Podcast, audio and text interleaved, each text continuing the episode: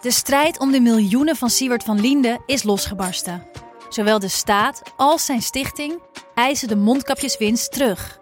Maar dat die opbrengst in ieder geval niet thuis hoort bij Van Linde, daarover kan toch eigenlijk geen twijfel bestaan. Hoe kon het zo ver komen? Dit is het. We hebben beet. En als Siewert het geld teruggeeft, kunnen wij dit schandaal dan eindelijk loslaten?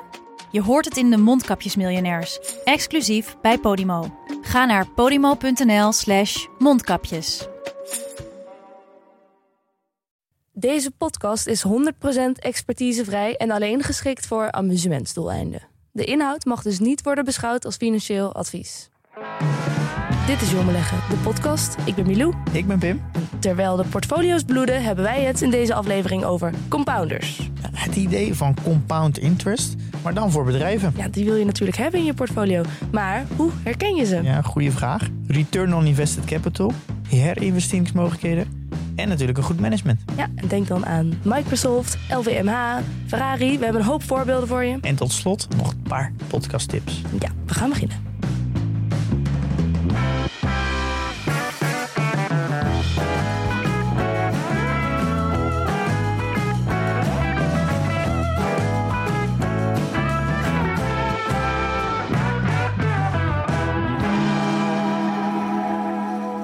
Dat wordt een therapiesessie eerder dan een eh, gezellige bijeenkomst, denk ik, eind oktober straks.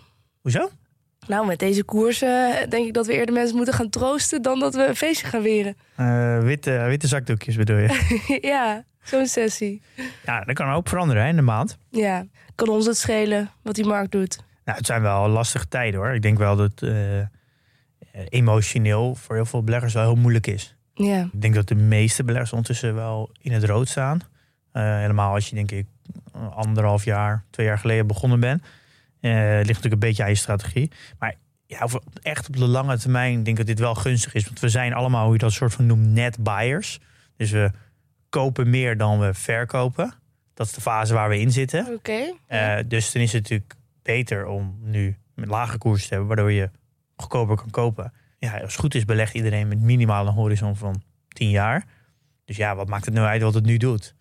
Als Ja. je nu een paar jaar voor je pensioen zit, Dan wil je nu gaan verkopen. dan, dan is dat nu niet een heel lekkere situatie. Nee. Maar eh, voor, ja, ik denk dat de gemiddelde luisteraar eh, eh, ja, jong is. Ja. Dus die heeft nog een lange horizon, minimaal 10 jaar. Ik denk dat dit alleen maar gunstig is. Het maakt beleggen denk ik ook wel leuker de komende jaren. Omdat er nu gewoon heel veel aandelen zijn die vrij goedkoop aan het worden zijn. Ja. Nou, waarschijnlijk gaan we richting een recessie of in ieder geval een vorm van heel veel winstwaarschuwingen. Waardoor dus ook weer een grote verdeeldheid gaat komen in de markt. Waar sommige bedrijven eh, een beetje meer cyclisch bedrijven gaan en heel hard geraakt worden. Sommige bedrijven wat minder goed. Waardoor het, het beleggen ook weer wat leuker wordt. Ik denk onderaan de streep dat als je over denk, twee, drie jaar verder kijkt, dat dit hele goede momenten zijn geweest. Eh, al is het, kan het nog steeds emotioneel heel zwaar zijn. Ja, en ook met alles wat er nog verder natuurlijk aan de hand is in de wereld. Dat je denkt, nou, dit komt eigenlijk nooit meer goed. Er gaat zoveel fout. Nou ja, waarschijnlijk als we allemaal denken, het kan echt, het is nu echt hartstikke slecht. Dan is zo waarschijnlijk het moment dat, dat je natuurlijk dan de bodem hebt. Ja. Eh, dus dat zou dan misschien juist het kantelpunt kunnen zijn. Ik kan me nog herinneren dat, dat er is een moment geweest dat wij die podcast maken dat we al zeggen, ja, eigenlijk er is niks negatiefs. Alles gaat goed. Als er van alles zijn, staat op groen. Dat had eigenlijk een signaal moeten zijn. Oké, wacht even, dan, dat is te gevaarlijk. Mhm. En nu gaan we langzaam de andere kant op. Het beleggingsvertrouwen is volgens mij in de afgelopen tien jaar nog nooit zo laag geweest als nu. Eh, iedereen is alleen maar negatief. Dus je hoort nooit wat meer po- wat positief. Je kan een gigantische lijst aan negatieve dingen en problemen opnoemen. Ja, dat zijn misschien wel de momenten dat je denkt, hé, wacht even. Eh, Alles staat op alle, alles nu in de brand staat. Ja. Dan is de brandweer in de buurt. Nee, je moet wel rekening houden dat de beurs altijd natuurlijk, het is natuurlijk super liquide. Hè? Dus de beurs reageert extreem snel. Vergeleken met de huizenmarkt, er zit een onwijze vertraging in. Mhm. Maar de beurs is heel snel. Dus daarom zeggen ze ook al, de beurs loopt zo'n zes tot negen maanden vooruit. Dus het hoeft maar een klein beetje licht aan het einde van de tunnel. En die beurs gaat natuurlijk op reageren. Ja. En het is natuurlijk zo dat de grootste rendementen natuurlijk eigenlijk vanuit de bodem plaatsvinden. En dat weten we natuurlijk pas achteraf wat de bodem was. Maar op het moment dat het natuurlijk de boel keert, eh, dan schiet de boel natuurlijk het snelst omhoog. Daarom zeggen ze ook wel dat het timen zo lastig is, omdat in die periode eh, net na de bodem, dan zie je vaak dat, er, dat de uitslagen het grootst zijn. En die wil je niet missen. Ja. Daarom is het bodemtimen zo lastig. Ja. Als je die mist, dan ja, wat moet je dan doen? Moet je dan nog langer wachten of toch instappen? Dan krijg je eigenlijk een, een ander probleem. Ja.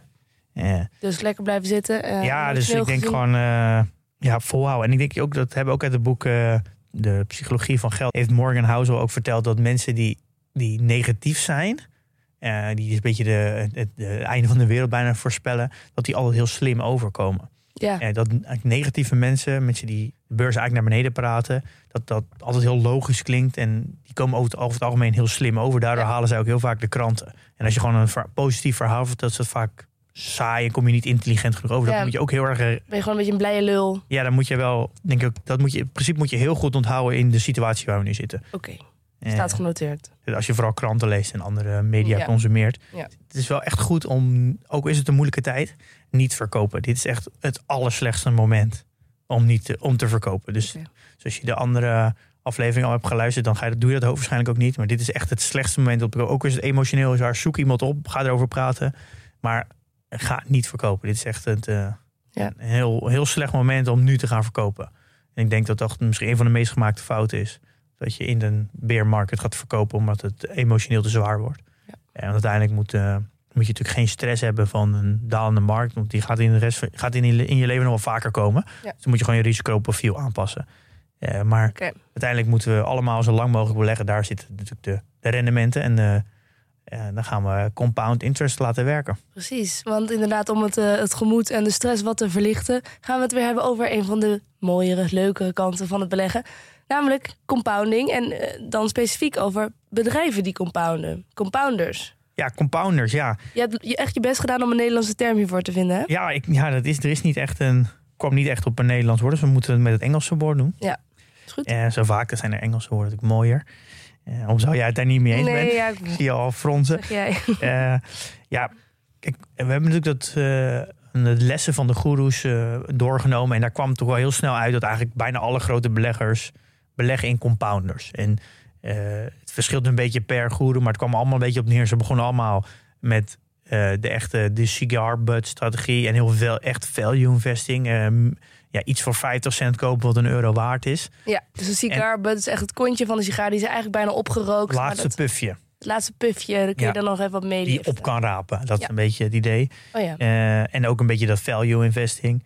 Maar uiteindelijk zijn ze allemaal naar compounders geschoven. Zo hebben ze dat in ieder geval allemaal zelf ervaren. En dan, als je compounders een beetje kent, dan, dan snap je ook beter waar al die quotes vandaan komen. Want al die quotes gaan, die gaan heel erg over goede bedrijven kopen, niks doen, heel passief zijn, heb geduld. Je kan beter een goed bedrijf voor een eerlijke prijs kopen. Nou, allemaal. En eh, beleggen is als gras zien groeien. En Ja. je kan beter gaan vissen. En al die quotes, eigenlijk komt dat naar mijn idee allemaal, is allemaal vanuit de gedachte dat je belegt in compounders. Ja. Is, want dat is mijn idee steeds meer.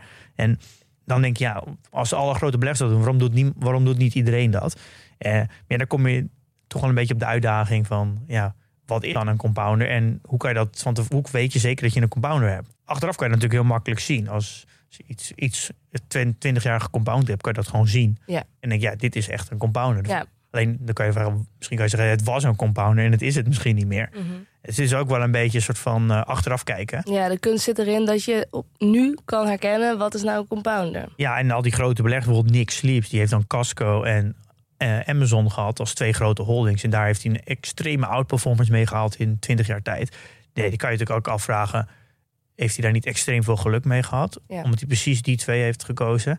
Of is het een talent? Ja, dat kan je eigenlijk helemaal niet zo goed wetenschappelijk onderzoeken. Nee. Eh, en ja, was het moment dat die Casco kocht en Amazon, waren het toen al compounders? Hadden het toen al karakteristieken dat je kon zien, dit had mogelijk een compounder worden? Ja. Daar zit natuurlijk eigenlijk de interessante vraag. En naar mijn idee is beleggen in compounders toch wat meer, eh, het zit dichter tegenaan dat je aandeelhouder wordt in een bedrijf. En dat alle andere vormen van beleggen, naar mijn idee, steeds meer een soort van vorm van beleggen is dat gecreëerd is in een beleggingsindustrie. Zoals ik het zo om zo omschrijf, je hebt allemaal bedrijven. Mhm. En daar kan je gewoon eigenaar van worden, ook buiten de beurs om. Word je gewoon eigenaar van een bedrijf, omdat je het een goed bedrijf vindt. En daarna heb je natuurlijk een hele beleggingsindustrie. En in die industrie zijn ook weer allemaal theorieën en regels ontstaan. En ik, bijvoorbeeld value investing vind ik dus echt een, een strategie dat gecreëerd is in een beleggingsindustrie. Doordat je gewoon alleen maar naar cijfers kijkt. En het hele principe dat je aandeelhouder wordt. Gewoon dat je eigenlijk het, het ja, soort van echt het, ja, aandeelhouder wordt alsof je het hele bedrijf koopt. Ja. Die gedachte, dat heb je natuurlijk met value investing totaal niet. Nee, want want daar... gaat het om dat je iets koopt en ook op het goede moment verkoopt. Ja, gewoon je, doe, je waardeert het en het is lager. En eh, als het Ja. bij je ver, berekende fair value komt, ga je er weer uit. Ja. Dus dat is meer, dat speel je een spelletje in de Ja, beleggingsindustrie. je bent een beetje losgekomen van wat het daadwerkelijk betekent. Namelijk aandeelhouder worden is gewoon een stuk eigenaar worden. Maar Ja. zo zien we het helemaal niet. We zien het als een voordeel dat we er niet aan vastzitten, precies. Hè? Ja, dat zo, we voelt, zo voelt het niet. Het voelt allemaal alsof je een soort van... Oké, je, eh, je koopt een ticket voor een, een treinticket voor een paar haltes. Ja, En ik stap nu in omdat ik hem nu laag gewaardeerd vind. En eh, als hij een paar haltes verder is en hij is weer richting fair value, dan ben ik er weer uit. Ja. Eh, Maar zit daar niet ook het voordeel wat beleggers kunnen halen? Dat is dat je wendbaar bent, dat je kan kiezen op een moment. Nou, het, is- niks is, eh, ik wil geen strategie afvallen. Elke strategie heeft zijn voor- en nadelen. Daar gaan we het binnenkort eens een keer over hebben. Dat we Mhm. alles op een rijtje gaan zetten en kijken wat zijn nou de voor- en nadelen van elke strategie. Ja. Ehm, kijk, een voordeel is dat het heel liquide is en dat je daardoor ja, zelf kan bepalen dat je een bepaald rendement of een bepaalde waarde heeft, dat je er dan uit kan. En nadeel is natuurlijk dat het heel makkelijk is, is dat je daardoor waarschijnlijk nooit lang blijft zitten. En eh, er is natuurlijk een reden waarom alle rijke mensen in de wereld ondernemers zijn. En die zou, dat is eigenlijk toch best gek. Want je- Mm. waarom zijn niet heel veel andere mensen ook heel rijk als je gewoon kan meesurfen op bijvoorbeeld Jeff Bezos? Eh, er is niemand die heeft Amazon zo lang vastgehouden als hij zelf. Ja. Dat is eigenlijk best gek. En dat zegt Monish Parbay zegt daar ook over. Van ja, waar- waarom is er niemand die, geen enkele fondsmanager die eh, Walmart 30 jaar heeft vastgehouden? Ja. Er is maar één iemand die dat heeft gedaan en dat is de familie Walmart zelf. En die zijn stinkend rijk. Eh, ja, en dan is zelfs de, de founder is zelfs overleden en de familie heeft het wel vastgehouden. Ja. Dus Dat is ook een nadeel ja. dat iedereen heel snel erin en eruit gaat. Ehm, en het heeft ook misschien wel iets met onzekerheid te maken. Want als je zeker weet dat iets een compounder is, al op dat moment dat het gebeurt, natuurlijk wil je het dan de rest van je leven vasthouden. Maar we twijfelen te veel. En we denken toch van, hé, hey, nou, misschien heb ik het niet goed gezien. Misschien is dit bedrijf nog beter. Ja, en het komt natuurlijk ook heel intelligent over als je af en toe wisselt. Ja. Maar ja, laten we even, even de, de induiken wat compounders in. Ik, ik voel me daar zelf. Ja, misschien is het een, een, een hele romantische vorm van beleggen. Beleggen in compounders, omdat dat nou, het zit zo dicht tegen het ondernemen aan. Dus daar word ik er wel best wel warm van. Het is niet heel anders dan dat je een bedrijf start en dan zelf aandeelhouder bent, eh, zelf, ja, zelf ook aandeelhouder bent en erin werkt.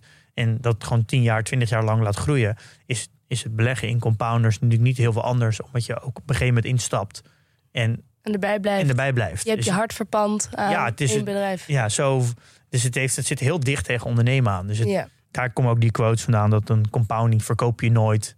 Dat een, de meest ideale situatie als belegger is dat je een aandeel voor de rest van je leven hebt. Dat zijn heel veel quotes die van Warren Buffett hoort. Ja, dat, dat kan alleen maar met compounders. Dat kan in de value, hoe kan dat natuurlijk helemaal niet. En als je bijvoorbeeld specifiek groeiaandelen ook niet. Want dan wil je natuurlijk als de groei eruit gaat, wil je weer weg. Ja. Ja, ik denk dat beleggen in compounders is de enige vorm wat echt buy and hold is, denk ik. Want we hebben compound, dat komt natuurlijk van het woord compound interest. We weten allemaal wat dat betekent. Dat is Ja. die exponentiële curve die hebt als je aan het beleggen bent, als het goed is. Wat bedoelen ze specifiek met compounden als het over bedrijven gaat? Wat wordt er gecompound? Ja, dat is wel een goede vraag. Nou, het is, eh, als we zelf de compounding uitrekenen, is dat we gemiddeld ze- eh, op de beurs wel 7% per jaar hebben. En die 7% rendement, die laten we weer eh jaar erop ook renderen. Ja. Dus over die 7% rendement ga je weer 7% rendement maken. Ja. En over die rendement ga je weer 7% rendement. En dat, wordt natuurlijk een, dat gaat steeds, wordt steeds meer. Ja. Maar dat principe kan natuurlijk een bedrijf ook doen. Kijk, een bedrijf kan 10% groeien. Dus bijvoorbeeld 10% meer winst maken. Maar die 10% meer winst ook weer herinvesteren in een bedrijf.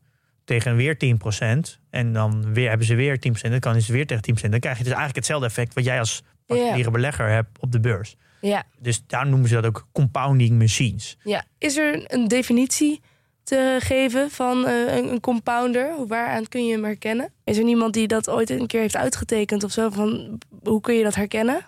Ja, dat is wel eigenlijk wel goed. Het, is, het zijn niet echt een, een vaste definities. En daardoor is het ook niet echt wetenschappelijk te onderbouwen of beleggen in compounders nou rendabel is. Of nou een soort van outperformance mee te halen Ja. is. Want eh, ik denk dat beleggen in compounders meer een vorm van art is dan science. Value kan je heel erg eh, in een bepaalde fot van ja, je kan naar de jaarrekening kijken, kan je elementen uithalen. En dan kan je dus een soort van groep aan value en mo- wat momentum en zo. Dat zijn factoren die je heel goed kan wetenschappelijk kan onderbouwen Mhm. die echt significant te noemen zijn. Maar bij eh, ja, bij compounders is dat veel lastiger. En daardoor zijn, is de definitie ook veel ruimer. Dus ik heb wel naar wat grote beleggers gekeken hoe zij dat dan definiëren. En ik kwam op het model van Chuck Aker. Hij noemde het de, de three-legged stool. De, de, de kruk met de drie poten. Ja, de kruk met de drie poten, dat klopt. En hij heeft een model voor zichzelf uitgeschreven. eh, hoe je dus com- ja, compounding machines vindt. Of hoe, waar je daar moet voldoen. Ja. En hij heeft eigenlijk in drie, nou ja, drie, een kruk heeft drie eh, poten. En dat is dan management, of het business, management en reinvestment. Oké. Eh, nou ja, ik, ik, ik vraag de eerste twee vragen niet heel veel aandacht. Want we ondertussen kennen we wel de, de dingen van een business. Het verdienmodel natuurlijk. En klopt, competitief ja. voordeel, een sterk balans en zo. Dus de, daar hebben we natuurlijk al heel veel afleveringen over. Ja. We vinden meteen een analyse met Dennis. En wat wel specifiek daarin benoemd wordt, is de, de hoge ROIC. Dus dat is eigenlijk de Return on Invested Capital Mhm. in het Nederlands het rendement op geïnvesteerd kapitaal. En waar, wat daarmee bedoeld wordt, is dat tegen welk rendement kunnen ze, als ze geld opnieuw investeren in de organisatie, zeg dat je 100.000 euro winst hebt en die 100.000 euro wil je weer terug investeren, tegen welk rendement kan je dan dat, die 100.000 euro investeren in Ja. je organisatie? En dat is natuurlijk heel belangrijk, want als dat bijvoorbeeld lager is dan 8%, dan is het natuurlijk eigenlijk gunstiger voor een aandeelhouder om te zeggen, ja, keer het dan maar naar mij uit als dividend. Dan kan ik het beter in een index beleggen, Ja. want daar haal ik gemiddeld gezien 8%. En dan heb je natuurlijk eigenlijk ook nog te maken met de weighted average cost of capital. Dat is de WAC met dubbel C. En dat is eigenlijk de kostenvoet van kapitaal. Dus wat kost het bedrijf om kapitaal aan te trekken? Nou zeg ik je bijvoorbeeld de 3% of 4% rente hebt. Misschien was in het verleden misschien wat minder. Dan eh, wil je automatisch natuurlijk dat als het bedrijf dat geld herinvesteert, dat het, Dat het meer dat oplevert. het meer oplevert. Want ja, anders is het. Ja, eigenlijk kan je, ja, moet je sowieso niet beleggen in het bedrijf. Het is natuurlijk een, helemaal geen sterk bedrijf. Ja. Dus eigenlijk denk ik dat wat je wel een beetje ziet, dat aan de hand van deze combinatie. Dus wat is de kostenvoet van kapitaal en wat is de rendement op als ze het geld herinvesteren. eh, Daar wordt wel heel erg aan bepaald wat ze met het geld doen. Want als je het geld tegen 20% return kan herinvesteren, ja, dan ga je natuurlijk het geld natuurlijk niet aan een aandeelhouder geven met dividend. Want Nee. de aandeelhouder wil helemaal niet dat geld. Want dan moet hij zelf weer een, een creatief idee hebben waar hij het dan kan laten renderen. Als het, dan zegt hij liever, ja, hou jij het maar. Want als jij tegen 20% kan herinvesteren in, de, in het bedrijf, ja, dan hoef ik het niet. Eh, ga er maar lekker aan mee aan de slag. Ja. Dus dat zijn wel de voorwaarden van compounders. Dat, dat het, het kan alleen compounden als je natuurlijk elk jaar tegen een hoog rendement kan herinvesteren. Want als dat Ja. niet het geval is, en dan kan je het beter maar aan de aandeelhouders geven. Ja. En dan kom je eigenlijk gelijk op het punt, is dat over het algemeen wordt wel gezien dat als een bedrijf een hoge ROIC heeft, dus een hoge return on invested capital, dat betekent eigenlijk dat ze best wel een competitief voordeel hebben. Want als je geen competitief voordeel hebt, dan kan je nooit tegen zo'n hoog rendement eh, investeren. Ja. Eigenlijk wordt over het algemeen ook wel gezien dat een hoge ROIC, ja, niet helemaal gelijk, maar dat, dat zijn wel indicatoren van, hé, hey, dit is een, een ja, dit heeft, het heeft een moot, het heeft een competitief voordeel, het zit in een hoek waar dus blijkbaar andere mensen heel moeilijk inkomen. En daardoor kan jij een, een hoger rendement hebben. Ja, dus dit is een heel belangrijk signaal om naar te kijken als je probeert een compounder te vinden. Ja. En dit is natuurlijk wel een beetje achteraf kijken. Ja, want dat is natuurlijk, dan moet het al een tijdje gaande zijn. Ja, dus dat is al, dat is, is al een heel moeilijk teken, vind ik, van compounders. Is dat je, je komt heel snel in de hoek. Je kan het achteraf pas zeggen. Ja. Eh, maar dit is wel een, en wel een hele belangrijke voorwaarde. En er wordt volgens mij over het algemeen gezegd... dat alles onder de 12% wordt gewoon gezien als een ja, een beetje gemiddeld. Ja, zeg lager dan 8 wordt gezien als slecht. 12, 8 tot 12 wordt gezien als een beetje gemiddeld. En boven de 12 wordt wel gezien als een bovengemiddeld goed bedrijf. En dan hebben we het over percentages eh, van rendement op Ja. geïnvesteerd kapitaal. Oké. Ehm, het wil niet altijd wat zeggen. Want er zijn ook bedrijven die een heel hoge eh, ROIC hebben, maar, eh, maar een heel klein gedeelte investeren. Dus als je, zeg, als je maar 5% van je vrije kaststroom investeert, dan, en dat kan je bijvoorbeeld wel heel efficiënt doen. Maar als je die andere 95% niet daarin kwijt kan, dan heeft het, heb je nog steeds niks aan een hele hoge ROIC. De bedoeling is natuurlijk Ja. een beetje dat je, eh, je bijna je, je volledige vrije kaststroom tegen dat percentage kan investeren. Maar je zou toch zeggen dat elk percentage van return on invested capital al goed is, omdat dat betekent dat je nog steeds groeit. Weet je? Het lijkt me dat het ook negatief kan zijn, dat je eh, er geen rendement uit haalt, of zelfs negatief rendement uit haalt op je geïnvesteerde kapitaal. Ja, nou, wat je dus heel veel ziet, is dat er zijn heel veel bedrijven die een hele lage ROIC hebben. Dus die, die investeren elk jaar, maar dan, eh, ja, dan komt er gewoon bijna geen returns uit. Dus dan ben je eigenlijk veel meer aan het herinvesteren om je positie te behouden. Maar daar komt niet echt een return uit. Waardoor je Mhm. eigenlijk gewoon niet van je plaats komt. En dat ik denk dat een heel mooi voorbeeld zijn gewoon alle autobouwers. Die moeten elk jaar zoveel herinvesteren om gewoon hun positie te houden in de Ja. markt. Eh, maar dat, ja, ja, daarom zijn alle autobouwers over het algemeen ook helemaal geen goede belegging. Eh, ze houden wel hun, hun positie in de markt, eh, marktaandeel. Maar ja, het is een soort van elk jaar ja, evenveel omzet, evenveel winst. Het komt gewoon niet echt van zijn plek. Mhm. Eh, dus ja, dan zijn over het algemeen op lange termijn helemaal geen goede beleggingen. Nee. Kan je beter al het geld uit het bedrijf halen en dan zelf beleggen in een index. Dan heb je 8%. Ja. Al kan zo'n bijvoorbeeld een Volkswagen of zo dat niet echt doen, want dan verliezen ze een competitief voordeel of dan houden ze, verliezen ze hun positie. Maar dat is wel een, een, belangrijk voorwaarde eh, als je naar compounders kijkt.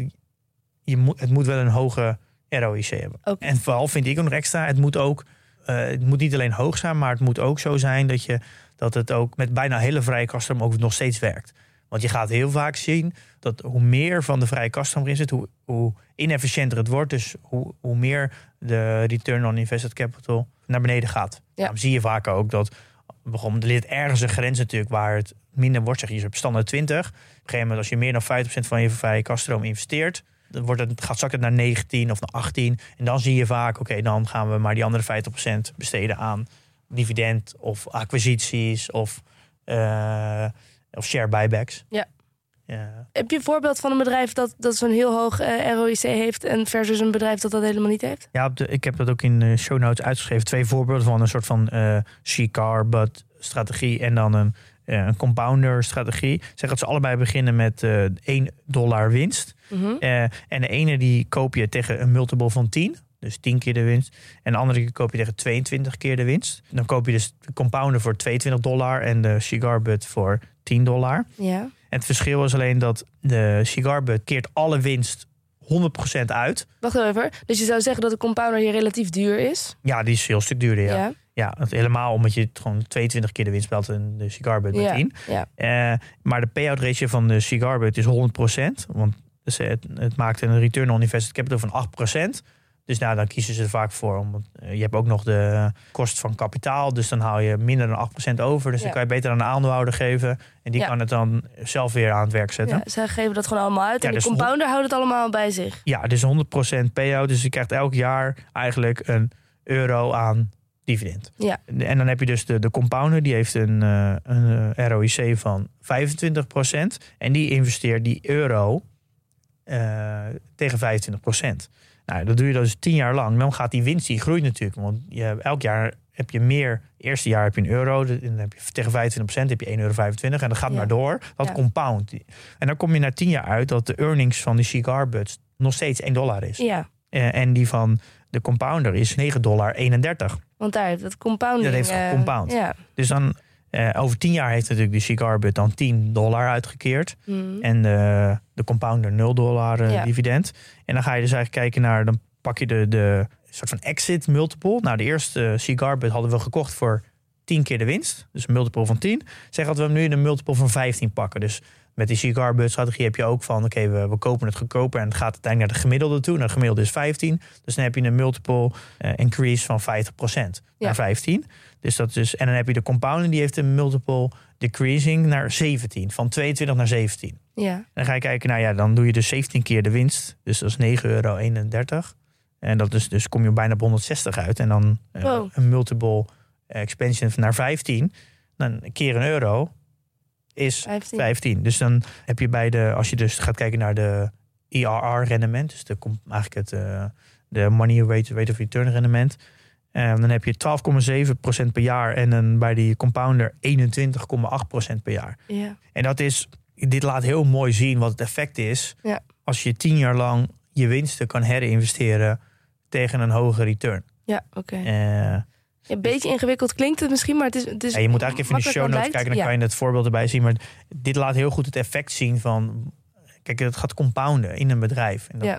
eh, daar zijn sommige bedrijven, die hebben gewoon over een periode van 20 jaar extreme koersrendementen laten zien. Omdat het elke keer de winsten eh, herinvesteert en dat compound weer. Ja. Er zijn natuurlijk wel heel veel mits en maren. Want je kan ook zeggen, ja, cigar butt strategie, die hou je niet tien jaar vast. Je, elke twee jaar gaat die misschien weer naar de- het gemiddelde. Dus dan kan je dat geld weer herinvesteren. Dus je kan misschien Ja. al in die periode van tien jaar meer keer die cigar butt strategie toepassen met hetzelfde kapitaal.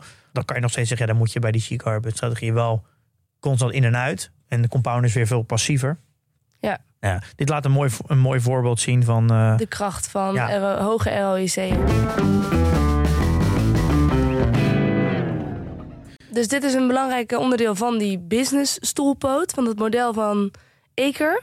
Je zei er waren nog twee andere stoelpoten dus. Eh, management was er één. Nou, daar hebben we het natuurlijk veel over gehad. ja, daar kunnen we heel. Moet integer zijn. Ja, daar heb je van die basisdingen natuurlijk. En dat geldt het eigenlijk wel een beetje voor elk bedrijf. Je hebt skin in the game, moet integer zijn. Ja. Het management moet een focus hebben op lange termijn. En dat is denk ik wel heel erg belangrijk. Om daar wel aan toe te voegen is dat als je natuurlijk constant een hoge return wil hebben, ook over tien jaar, dan moet je dus nu al bezig zijn met een fundament leggen voor over vijf jaar en over tien jaar. Mhm. Je moet dus nu al keuzes maken. Je moet dus nu al een gedeelte van het geld wat je als winst hebt investeren om een nieuwe business in de toekomst te kunnen opzetten. Ja.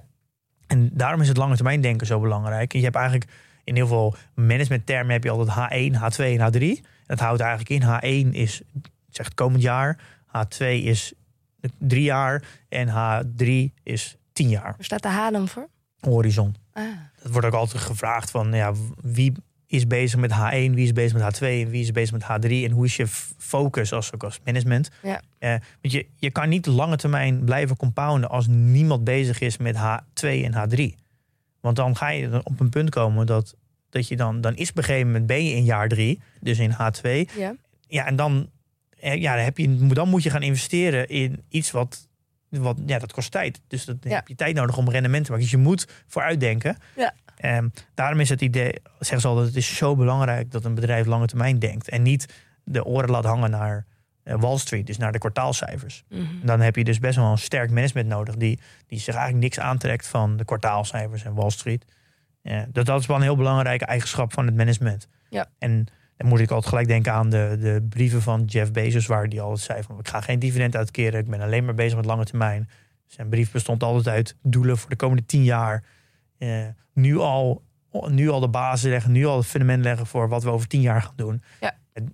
Dat, alleen op die manier kan een aandeel gewoon, of een, zeg, een bedrijf 20, 30 jaar compounden. Ja, dus als je nu gaat kijken naar wat is nou compounder, dan moet je zeker even kijken van wat zijn hun ideeën voor de lange termijn. Zijn ze er überhaupt? Ja, dat is denk ik een hele belangrijke. Dat je naar, dat je, kan je het management betrappen op ideeën en op, op een visie over zeg vijf à tien jaar. Ja. Laat ze dat enigszins ergens door, doorschemeren, dat ze daarmee bezig zijn. Ja. En ja, dat werkt vaak alleen met founders die aan het roer zitten.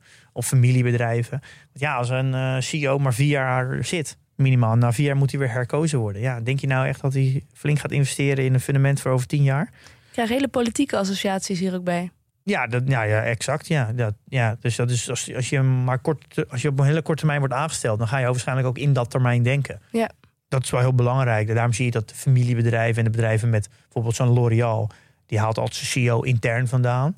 Eh, volgens mij heeft het nog maar vier CEO's gehad. Dus voor, zo'n, voor de leeftijd van het bedrijf echt heel weinig. CEO zit daar extreem lang. Ja, dan, kijk, als je weet dat je daar CEO wordt en je weet dat je voorgangers daar 15 jaar gezeten hebben, dan is de kans ook heel groot dat je denkt, ja, ik zit hier misschien ook wel 15 jaar, 20 jaar. Ja, dan moet ik wel gaan investeren in de dingen over 10 jaar. Want Ja. hetzelfde geld zit ik er zelf nog over 10 jaar, dan heb ik een probleem. Ja, Maar ik denk dat dat voor iedereen geldt. Als jij een huis hebt en je, en je, je twijfelt nog of je er volgend jaar woont, of over een jaar of over twee jaar woont, ja, ga, je, ga je dan investeren in je huis? Ja. Ga je dan eh, mooie gordijnen ophangen? Ga je dan het isoleren? ja. Ga je dan een warmtepomp om? Nee, Hier gaat het mis, jongens. als je weet dat je 20 jaar, 30 jaar gaat wonen, dan is het, dan is het prima te doen. Ja. Dus het lange termijn denken is wel es- essentieel. Ja, Dat is iets wat je bij het management, eh, ja, dat, dat moet erin dat zitten. moet erin zitten. En dat, dat founders denken vaak automatisch en zo, want een founder die gaat, die denkt niet over weggaan. En familiebedrijven ook. Precies. Oké, dus dat is de, de tweede poot, management. En dan de derde poot. Ja, dat is misschien het meest onderbelichte stukje, vind ik, in beleggen. Ik hoor daar eigenlijk niet zo snel iemand over. Helemaal ook niet in andere analyses. Dus wat zijn nou de, de, de... Iedereen doet het wel indirect. Omdat je namelijk een... Vaak als je een verwachting maakt over het bedrijf. Dus je gaat bijvoorbeeld een DCF invullen. Dan vul je, vul je wel een soort van groeiverwachting in. Dus hoe gaat het bedrijf de komende jaren groeien? Maar dat, dat wordt nooit heel bewust over nagedacht. Over wat zijn nou alle herinvesteringsmogelijkheden Mhm. zit het bedrijf in een. Is het een one-trick pony en heeft het, kan het alleen maar. En ja, door een hele nieuwe eh, afdeling op te zetten, is dat dan gelijk een compleet nieuw bedrijf? Zijn ze zo gestructureerd dat ze ook makkelijk overnames kunnen doen? Dat zijn wel hele belangrijke gedachtegangen die je moet hebben. Ja. Om te kijken of wat zijn de herinvesteringsmogelijkheden. En sommige bedrijven die zijn zo vanuit nature opgezet dat het heel makkelijk is. Mhm. Eh, maar sommige bedrijven die kunnen dat bijna niet. Die hebben gewoon heel veel moeite om, om uit te breiden. Dan wordt het heel snel een nieuw business. Ja. Eh, en ehm, ja, we kunnen misschien wel het voorbeeld. Adyen is natuurlijk een bedrijf wat heel makkelijk kan uitbreiden. Het kan zoveel vormen van iets van een betalingen doen of iets regelen met betalingen, als het van fraude tot aan ID-checks. En, en die kunnen ja, ja. die kunnen nog fysiek eh, heel veel eh, winkels ondersteunen met, hun, eh, met hardware en software. Die, die hebben, de betalingswereld is gewoon heel groot. Dus je kan De wereld daar. ligt aan hun voeten. Nou ja, die dat hebben betreft. gewoon. In theorie hebben ze heel veel uitbreidingsmogelijkheden. Ja. Nou, je ziet al bijvoorbeeld zo'n Just Eat. Dat doet één ding en dat is eten bezorgen. Ja. Die moet best creatief zijn om te denken. Wat voor nieuwe dingen kunnen ze er allemaal bij doen? En dan Ja, kan je natuurlijk wel je fantasie laten gaan. Van ja, ze kunnen ook nog pakketjes bezorgen. Ze kunnen lunches verzorgen. Ze kunnen misschien ook nog andere dingen gaan bezorgen. De last mile en zo. Ja. Dan, dat wordt, ja, dat is, dan wordt dat heel snel toch wel een, een beetje een andere business. En dat zijn dus de, de herinvesteringsmogelijkheden zijn dus vrij beperkt daardoor. Dus of, een, of een hoger risico. Dat betekent dat je moet overnemen. Sorry? Dan moet je dus gewoon overnemen. Als je dan, ga je, dan ga je heel snel, kom je dan in overnames terecht. Ja. Ja. Eh, dus dat zijn wel dingen waar je, waar je naar moet kijken. Daardoor weet je dus als de groei op een gegeven moment stagneert, eh, dan is het heel moeilijk om die groei weer op te pakken. Ja. Eh, dus dan, dan kan je zeggen, ja, dat gaat nooit een langdurige groei hebben. Want het moet, het moet zoveel moeite doen om weer nieuwe omzetstromen te genereren tegen een heel hoog risico. Dus het risicoprofiel van het aandeel verschuift, Ja, dan in de toekomst. Ja. En zo kan je best wel veel bedrijven langs gaan van ja, wat zijn nou de mogelijkheden? Ik denk dat een Ahold ook. Het is best moeilijk voor Ahold om een nieuwe, een nieuwe omzetstroom te bedenken. Ja, Dus ja, daardoor zie je ook dat heel veel van het geld natuurlijk gewoon als dividend wordt uitgekeerd. Ja. En met die blik zou je wel heel erg, zou je eigenlijk moeten kijken naar compounders. Van wat zijn de herinvesteringsmogelijkheden voor de komende tien jaar? Ja. Zijn, die, zijn die makkelijk? Zijn die te doen? Eh, zit daar veel risico in? Eh, ja, dit hangt ook weer heel erg samen natuurlijk met de return on invested capital. Er moeten natuurlijk mogelijkheden zijn voor investeringen voordat je de return op kunt. ja, maar de return kan er nu al heel erg zijn in de huidige business. Dan heb je eigenlijk zeg even, je hebt dan de, Oh ja, de, de soort van de current eh, competitive advantages. Dus de competitief voordeel heb je nu. Daarom is het, heeft het bedrijf een goede positie gekregen. Ja. Dus daar wordt heel veel in geïnvesteerd om dat sterker te maken. Dan ga je optimaliseren. Dus dan heb je een hoge return on capital. Maar dan wil je eigenlijk ook dat die... Gegeven moment stopt dat natuurlijk een beetje. En dan wil je eigenlijk dat je ook al bezig kan zijn met het, ja, noemen ze dan eh, ja, het ontwikkelen van de volgende competitieve voordeel ja. de uitbreiding daarvan. Ja. En daar gaat het heel vaak fout. De meeste bedrijven zijn, ja, noem ik het dan altijd one-trick ponies. Ja. Eh, en de echte compounders, die, die, zijn, ja, die zijn, doen meer dan één ding. Ja, dus dit is echt belangrijk om nu naar te kijken. Zijn er ook nog investeringsmogelijkheden in de toekomst? Zijn Ja. er nieuwe stromen die ze kunnen Ja, aanspreken? en, wat, ja, en daardoor kom je heel erg bij de art van beleggen. Is dat dit, is, dit is denk ik de kunst van, van beleggen. Ja, kan je die, en je kan ook zeggen, ja, als je de juiste kiest, heb je misschien geluk. Maar als je een bedrijf vindt in een vroege fase en jij gokt een soort van goed, of jij hebt, jij hebt het goed, Ja. Als je Amazon vroeg, kijk, daarom hoor je altijd verhaal als je Microsoft had in vroeger, als je Apple had en nou, eh, eh, gaan ze allemaal maar door, eh, de Domino pizza's en nou, Starbucks. Dan ben je eigenlijk, dit allemaal compounders die je opnoemt? ja, dan ben je klaar. Ja. Want als je, je hoeft er maar één, je hoeft die maar één keer in je portefeuille en, en, die verkoop je nooit, ja, dan ben je gewoon klaar. Want je noemt er nu een paar, maar hoe, eh, hoe zeldzaam zijn deze dingen eigenlijk, denk je? Ja, die zijn vrij zeldzaam. En- Wel zeldzaam. Ja, heel zeldzaam. Je, je- die heb je gewoon niet zo vaak, want dan je praat over een, ja, een, een fantastisch bedrijf. Ja, die zijn er niet zoveel van. Hoe kan dat nou? Het zijn En- toch allemaal... De meeste compounders waren vroeger franchises. En dat is eigenlijk vrij logisch. Want als het, zeg het businessmodel werkt heel goed in een bepaalde regio, bijvoorbeeld in Amerika met domino pizza's, Ja, dat die formule werkt, dan, kan je, dan heb je bijna oneindige groei. Want je kan die domino's pizza namelijk in die andere 180 landen in de wereld uitzetten. ja maar dat dachten we ook met thuisbezorgd. Nee, maar thuisbezorgd was altijd wel duidelijk dat eh, dat is natuurlijk geen franchise. Dat is, Ah, zo. dus ja, het ja. idee is natuurlijk dat je eh, gewoon een Starbucks. Kijk, al die ketens doen het eigenlijk over het algemeen goed. Costco, Home Depot, Starbucks. Ja, Ja, die zijn allemaal te franchisen in andere als dat een hoge return on invested capital heeft. Dus voor elk, je hebt een hoge return als je een nieuwe domino's ergens neerzet. En dat wordt waarschijnlijk steeds efficiënter. Want ja, je kan steeds meer. Je maakt één keer reclame. Je hebt meer domino's om het aan. Waar mensen dan pizza's kunnen bestellen. Ja. Dan wordt de return steeds hoger. En dat, ja, dat concept kan je natuurlijk. Ja, je kan in alle landen in de wereld kan je dat uitrollen. Ja. Dus eh, daarom zie je vaak dat de echte compounders vaak franchises zijn. Vooral in het verleden wa- was dat zo. Dus die waren altijd heel erg geliefd bij eh, grote beleggers. Ja. Als je kijkt ook naar alle grote beleggers, hebben ze vaak ook allemaal franchises in hun portefeuille. Ja. Eh, en Basic Fit is denk ik een voorbeeld in Nederland. Dat is ook zo'n concept. Ze kunnen Ook natuurlijk gewoon, ja, ze kunnen natuurlijk sportscholen gewoon eh, Ja. blijven, blijven neerzetten. Er zit natuurlijk wel ergens een limiet aan, want ik denk niet dat, je, dat ze heel snel sportscholen in Amerika gaan neerzetten. Maar dat is natuurlijk iets anders met franchises, met, met eten vooral.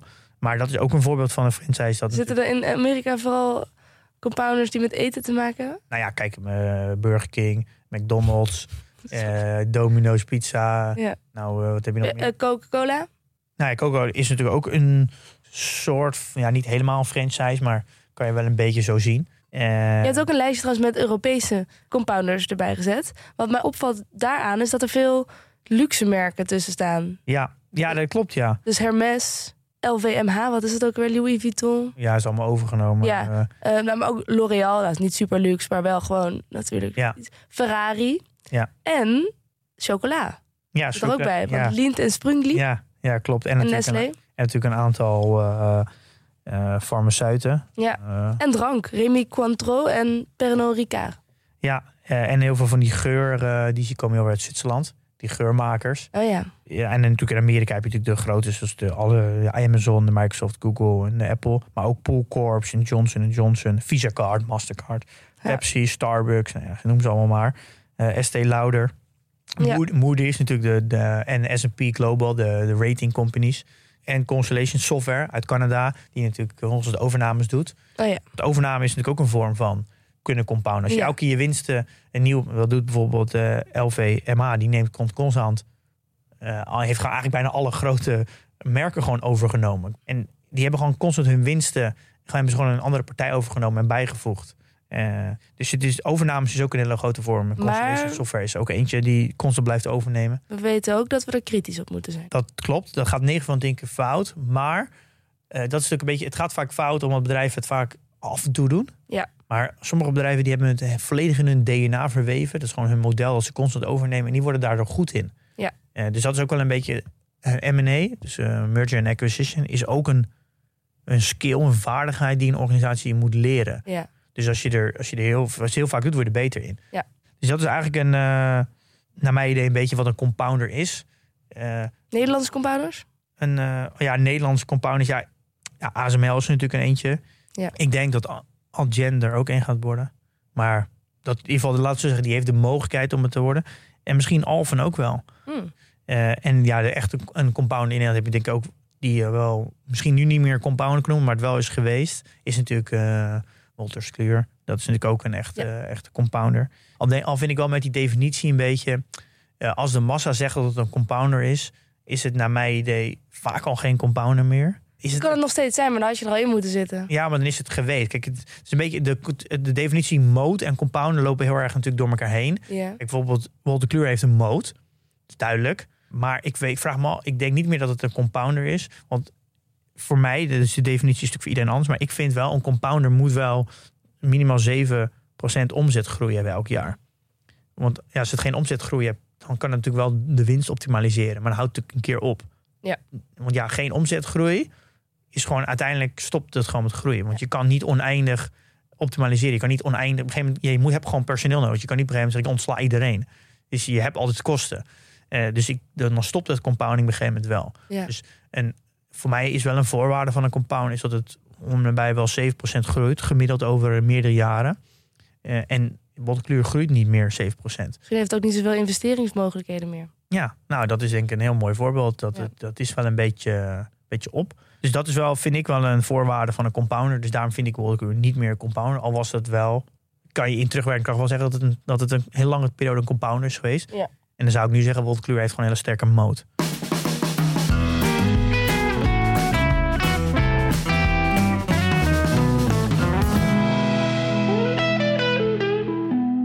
Ik denk de holy grail in beleggen is toch echt wel compounders in je portfolio hebben. Alleen het is extreem moeilijk. Je weet niet of je er een hebt. En daar of soort van je, je strategie alleen maar compounders vinden is misschien lastig. Eh, ik denk dat meer wat je eruit moet halen is dat je als je door hebt dat je een compounder hebt. Je weet nooit zeker. Je kan, je kan niet zeggen ik koop nu een compounder. Maar je kan misschien wel je kansen vergroten door gewoon heel veel goede bedrijven te kopen. En als je merkt dat je een compounder hebt, Nooit meer loslaten. nooit meer loslaten. Dat is misschien dan de beste strategie. En ik denk, ik vond een mooi voorbeeld met Dennis. Dennis portefeuille. De langste holding in zijn portefeuille nu is Google. Die, is, vol- die heeft hij meer dan vijf jaar, vijf en een half jaar. Dat is dus de langste holding in zijn portefeuille. En ik, eh, ik heb het grappig, heb met hem over gehad. En hij zei ja, dat elke keer ging ik weer Google opnieuw waarderen. En elke keer ging de waardering omhoog. Elke keer Oh ja. ging de waardering weer omhoog. Waardoor eh, dacht ik, hey, hij tikt mijn waardering aan, dus ik moet hem verkopen. Ging hij, ging hij opnieuw naar de cijfers kijken en hey, de waardering gaat weer omhoog. Ja. Dus het was Oh, daardoor... dat moet je natuurlijk ook doen. Je moet niet wachten tot hij dat bedrag wat jij ooit hebt berekend heeft bereikt. Maar wel even checken, van, klopt dat bedrag Ja, omdat het namelijk constant nog? compound, waardoor Ja. het groeit, waardoor de waardering ook omhoog gaat. Maar daar, hij zei van ja, daardoor is dit aandeel dus nooit te duur, echt te duur geweest om te verkopen. Maar het is daardoor nooit echt goedkoop geweest om bij te kopen. Dus hij heeft één keer een transactie gedaan en heeft, dat is vijf en een half jaar geleden, heeft er nooit meer wat aan gedaan. Maar het is zijn best presterende aandeel in zijn portefeuille. Ja. En hij zegt ja, eigenlijk is het mijn meest succesvolle belegging. Maar aan de andere kant is het me ook me, heb ik de meeste fouten meegemaakt. Omdat hij gewoon al zijn waarderingen constant te laag was. Hij Ja. heeft elke keer te, te, ja, te goedkoop ingeschat. ja. Dan dat het eigenlijk daadwerkelijk was. Ja, Dat kan hij ja. niet terugwerkende kracht nu zeggen. Ja. Dus eigenlijk achteraf gezien had hij elke jaar moeten bijkopen. ja, precies. Dus hij zegt, ja, dat is grappig. Dat is mijn, is mijn meest succesvolle belegging met de meeste fouten. Ja. En dat kan mooi- ook, jongens. Ja, Wat een opsteker. ja, dat, dat- dat is grappig dat bijvoorbeeld Warren Buffett dus de laatste tijd ook steeds vaker Apple bijkoopt. Oké. Eh, dus blijkbaar heeft, ziet hij dus, hij heeft er wel ongetwijfeld een bepaalde waardering toegepast op Apple. En ziet dat Ja. Apple dus harder groeit dan zijn waardering. Waardoor hij het dus elke keer dus blijkbaar toch goedkoop vindt en bijkoopt. Grappig. Ook al is het dan een hele grote positie. Eh kijk, en het liefst willen we allemaal natuurlijk eh, in een hele vroeg stadium natuurlijk eh, een Google hebben of zo. Ja. Maar ja, echt soort van zeggen, ik ga alleen maar in compounders beleggen. Is, is natuurlijk wel lastig, want je weet niet. Je kan achteraf pas zeggen of het echt compounders. Ja. Je kan wel je kansen vergroten door te zeggen, ik, ik, dit, mijn strategie is compounders hebben. Dus ik ga wel aan deze alle karakteristieken die een compounder moet doen, daar ga ik aandelen op selecteren. En ja, als ik er, als ik er 10 heb of 20 heb, en dan hoop ik dat er, dat er minimaal één tussen zit die, die een echte compounder is voor de komende 20 jaar. En ik ga gewoon zorgen dat ik die positie nooit verklein. Ja. Eh, dan zal je zien dat die positie uiteindelijk heel groot wordt. Eh, maar dat zorgt dan wel voor een heel groot gedeelte van je rendementen. Ja. Net als dat er wordt gezegd dat maar 4% van de bedrijven zorgen voor bijna voor alle rendementen. Nog belangrijke mededelingen of nieuws, Pim? Eh, nou, één ding wil ik nog even zeggen. We hebben een nieuwe video gemaakt op Oh. ons YouTube-kanaal. Mhm. Eh, het gaat over de vraag: is flow traders een goede hedge? Oh, dat denk ik meteen aan Mees. Ja, dat heb je goed gezien.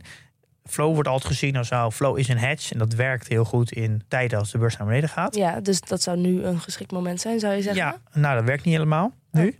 Dus we gaan eigenlijk, um, meest dan, eh, gaat door flow traders heen en uitleggen wanneer flow wel een goede hedge is. Ja. En wanneer niet. En welke marktomstandigheden, marktomstandigheden dat dan is. Ja, breng nog even de aflevering die ik daar met Mees over heb gemaakt in herinnering. Ja, met hedges. Ja, natuurlijk. Dit is een beetje een vervolg daarvan. Ja. En het gaat dan over handelsvolume, handelsinkomsten, volatiliteit en de spread. Dus uh, nou, vrij korte video. Dus in uh, vijf, zes minuten weet je uh, wanneer flow een goede hedge is. Oké. Uh, en dan weet je ook gelijk waarom het dit jaar niet zo goed performt. Ja, interessant. En je hebt ook nog iets ontdekt waar je dol enthousiast over bent. Ja, ik heb, dan moet ik gelijk even Soufjan bedanken. Uh, luisteraar, vaste luisteraar van Jong Beleggen, die tipte mij deze. Uh, het gaat over Business Movers. Dat is een podcast van uh, Wondery. En ja, die hebben 18 seizoenen gemaakt. Ik, het is voor mij een raadsel dat ik daar nooit op ben gekomen. Mm -hmm. ja, je kent immers alles wat er te, te luisteren is. Vijf afleveringen om en bij per seizoen. En daar komen de bedrijven langs zoals een Coca-Cola, Walt Disney, Uber, General Motors, Marvel, ook Leader Brothers. Waarom is dat gevallen? Starbucks en zo. Nee. Maar wat doen ze dan met die bedrijven? Gaan ze ze ontleden? Of? Ja, ze gaan eigenlijk, ja, zo, ze, ja, ze, wat, wat heeft dat bedrijf nou bewogen? Wat is nou, nou de belangrijke onderdelen wanneer dat bedrijf bewogen is? Ja. En bij Microsoft gaan ze het hebben over Satya Nadella. En het is extreem goed geproduceerd. Ja, ik vind die... die de, dat is de huidige CEO, toch? Ja, en degene die, die dat inspreekt, ja, die heeft een fantastische stem. Ik vind het echt een, echt een hele mooie podcast. En ik vind die van Satya Nadella heel mooi. Want het is natuurlijk een huidige CEO. En het geeft heel erg aan uh, hoe hij Microsoft heeft getransformeerd van een beetje on-premise bedrijf. Want het heeft een tijd echt heel slecht gedaan. Het, eh, ja, dat ging echt, het ging alleen maar naar beneden, bergafwaarts. Helemaal Mhm. naar Balmer, volgens mij de tweede CEO. Die er echt een potje van heeft gemaakt. Mhm. Heeft hij het overgenomen en hij heeft eigenlijk die transitie naar de cloud gedaan voor Microsoft. En daar wordt hij eigenlijk uitgelegd hoe hij dat gedaan heeft. En wat zijn struggles waren. En wat zijn visie op Microsoft is. En het is een hele mooie podcast-serie om te luisteren. En Want ik- eh, gaan, gaan die vijf afleveringen in één seizoen gaan allemaal over één bedrijf? Ja, ja, ja. En deze gaan dan echt over Satya Nadella en over zijn transi- hoe hij CEO is geworden en Ja. wat hij dan toen wat hij gedaan heeft in die transitie naar de cloud. En ik vond, die, eh, vond de aflevering over Steve Jobs heel leuk. Ja, jij bent natuurlijk fanboy. Ja, voor me heb je niet zo heel veel aan, maar ik vond het heel leuk om te luisteren. Oké. En daarop vervolg heb, heeft Wondery ook een andere podcast. Want. We hebben heel veel podcasts, Wondery. The Secret Sauce. En daar gaat het een seizoen over Johnny Ive. En Johnny Ive is natuurlijk de, de rechterhand van Steve Jobs geweest. En Secret Sauce gaan ze eigenlijk over wat, zijn, wat heeft er nou voor gezorgd? Wat was nou het unieke aan, aan een bedrijf of aan iets dat het succesvol is geworden? En Geheim ingrediënt. ja, ja, en Johnny Ive zien ze als geheim ingrediënt van de wederopstanding van Apple nadat Steve Jobs terugkwam. Ja. En, en nou ja, Johnny Ive heeft eigenlijk de iPod ontworpen, de, de Mac en eh, de iPhone, die heeft hij eigenlijk ontworpen. En die, ze gaan in die aflevering gaan ze met Johnny Ive eigenlijk door dat pro- proces heen van hoe hij bij Apple is gekomen en Ja. hoeveel struggle hij had met Steve Jobs. Dat, Oké. dat Steve Jobs constant pushte om verder te gaan. Ja. Dus dat geeft een heel mooi beeld over de filosofie van Apple. Leuk. Eh, en er worden ook andere, afle andere behandeld, zoals een Airbnb. En Buffett, Warren Buffett wordt ook behandeld. Wat zijn de secret sauce van Warren Buffett en eh, Airbnb. En twee podcastseries die heel leuk zijn om te luisteren. Oké, gaan we dat doen. Ehm, zit het er alweer op? Wat gaan we volgende week doen? Ja, volgende week hebben we een gast. Eh, Ja. Jan Bart de Boer. Kijk. En we gaan het hebben over clearing en settlement. Oh ja, clearing. Wat, dat heb ik vaak voorbij. Ja, het, het is, dus bij sommige brokers zie je zelfs dat je daarvoor moet betalen. Dat zijn dan de, de kosten. Ze zeggen dan dat zijn de kosten die de afhandelingskosten. Moet- Orde moet ook afgehandeld worden. Er moet natuurlijk ergens in de achterkant moet gezegd worden. Aandeel van één aandeel Ahold is van Milou naar Pim gegaan. Dus dat, dat is eigenlijk clearing en settlement. De, de, de, de afhandeling. Dat het ook daadwerkelijk in de boeken staat dat ik eigenaar ben. En dat doet de broker niet zelf. Oké, Eh, want het is een execution only. Dus dat doet niks anders dan jouw order brengen naar een exchange. mhm. Ehm, en er is, gek genoeg, eh, een van de grootste clearingbanks in de wereld is nou. ABN AMRO Clearing Bank. En daar komt Jan Bart de Boer zeker vandaan. Daar komt hij vandaan. Hij is de, zit, eh, eh, ik weet niet zeggen, hij is, ik weet niet, hij is niet CEO, maar is wel in de C-level zit hij. Dus hij zit in de top van eh, de Clearing Bank. Hij is een chief. Ja, en chief, ja. En het is, je hebt dan continent Amerika, Europa en Azië. En volgens mij is ABN AMRO op alle drie de grote continenten heel groot. En dan praten we echt over, over een marktaandeel van tussen de 10 en 30 procent. Ja, ja. Eh, ABN AMRO Clearing Bank is een wereldwijde speler. Hmm. En volgens mij verzorgt de Clearing Bank ook voor een heel groot gedeelte... verantwoordelijk voor een heel groot gedeelte van de winst van heel ABN AMRO.